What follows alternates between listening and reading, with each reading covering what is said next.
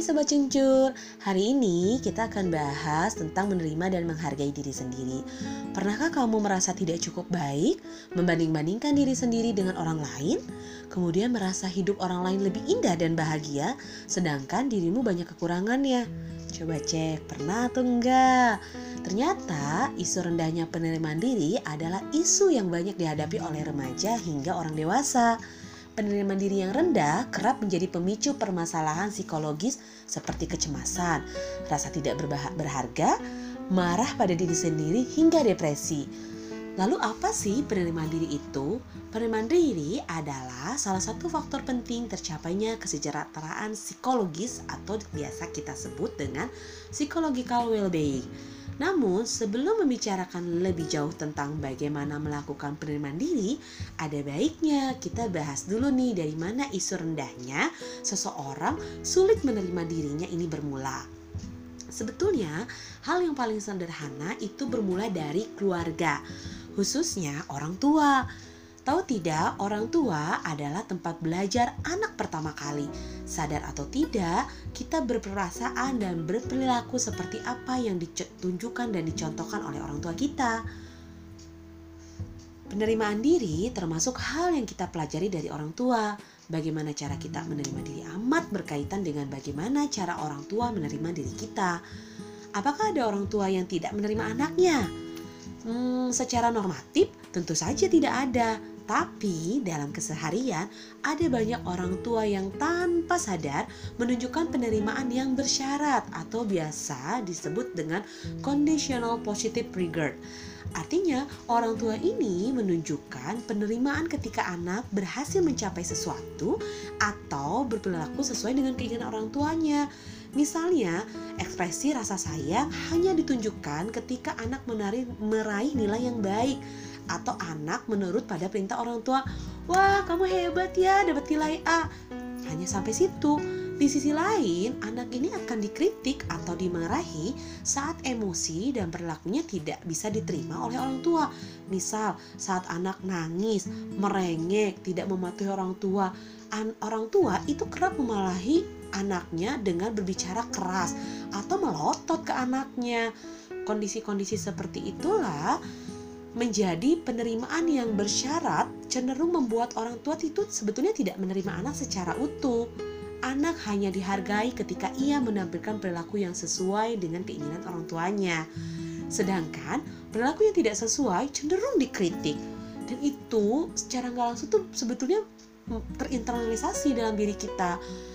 Pola ini kan kemudian terinternalisasi ke dalam diri kita kita hanya menghargai diri kita saat kita berhasil mencapai sesuatu atau bisa confirm dengan norma yang ada.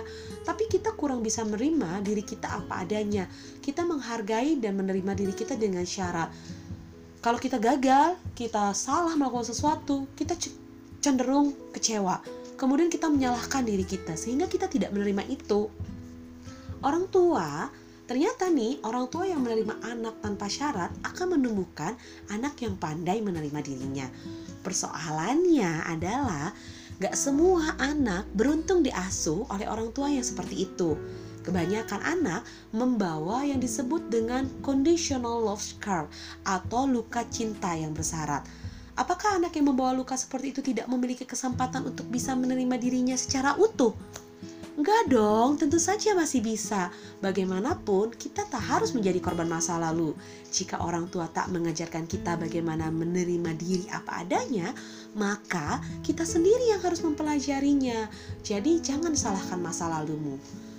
Menerima diri ini juga harus dimulai dari mengenal diri sendiri terlebih dahulu. Mengenal diri sendiri dimulai dari mengenal dan memahami emosi yang kita rasakan Ya, setidaknya kita memiliki lima emosi dasar. Apa aja sih lima emosi dasar itu? Yang pertama ada bahagia, marah, yang ketiga sedih, kemudian jijik dan terkejut. Emosi merupakan sesuatu yang alami dalam diri manusia. Semua orang pasti merasakan ini.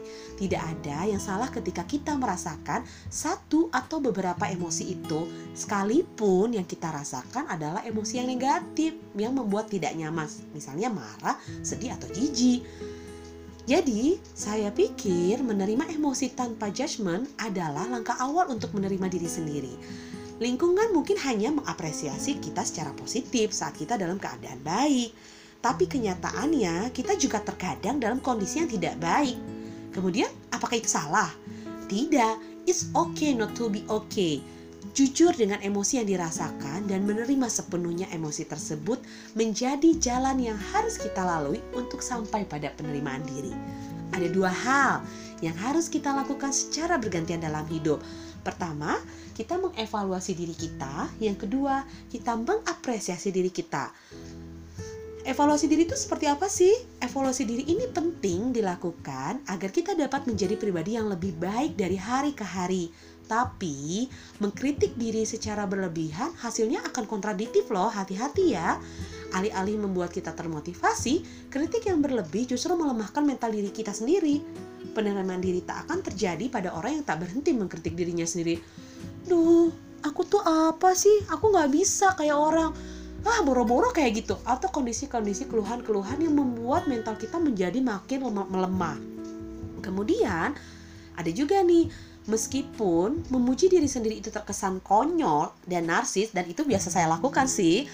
Mengapresiasi ini termasuk mengapresiasi diri sendiri adalah uh, hal yang penting. Kita sering otomatis melontarkan kritik pada diri sendiri, membuat uh, membuat diri kita tidak bisa apa-apa maka hal ini perlu diimbangi dengan sengaja mengapresiasi diri untuk hal-hal yang baik yang sudah kita capai atau yang ada pada diri kita. Misalnya, menulis gratitude journal adalah salah satu cara untuk menghadapi atau menyadari hal-hal positif dalam diri kita.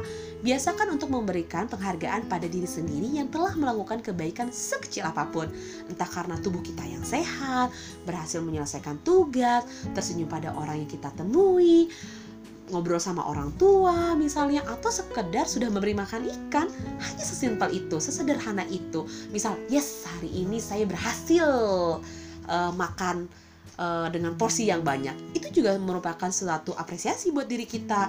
Terkadang rendahnya penerimaan diri terjadi karena kita lupa bahwa diri dalam diri kita juga memiliki kebaikan-kebaikan kok ya Selanjutnya nih, kita juga harus sadar bahwa memang tidak ada yang sempurna di dunia ini.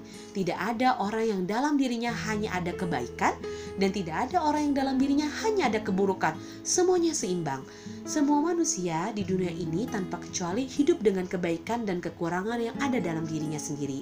Kita mungkin memandang indah kehidupan orang lain, tapi bisa jadi orang tersebut tak begitu memandang hidupnya kita mungkin merasa diri kita sedang terpuruk dalam titik terendah. Tapi bisa jadi orang lain menganggap betapa beruntungnya hidup yang kita jalani. Sadar atau tidak, sebetulnya kita tidak bisa membandingkan hidup kita dengan orang lain. Kita punya jalan kita masing-masing, kita punya tujuan hidup kita masing-masing, dan kita hebat sesuai dengan tujuan hidup kita. Karena manusia itu sangat kompleks, manusia memiliki lapisan-lapisan dirinya yang tak bisa kita simpulkan dari hanya mengobrol sebentar saja seperti sekarang, apalagi hanya dari sosial media. Jadi kita tidak bisa menyimpulkan kehidupan seseorang itu bahagia dari sosial media. Bah, makanya mari kita terima dunia nyata kita dan kita mulai mengapresiasi diri kita karena yang terakhir adalah yang mau saya sampaikan, kita sering tak menganggap apa yang sudah kita capai, mengabaikan hal baik yang sudah kita lakukan. Ingatlah, apa pun adanya diri kita sekarang, kita sudah dan selalu melakukan yang terbaik untuk diri kita. Jadi, harga itu dan jangan diabaikan. Hayat sampai ketemu di podcast selanjutnya.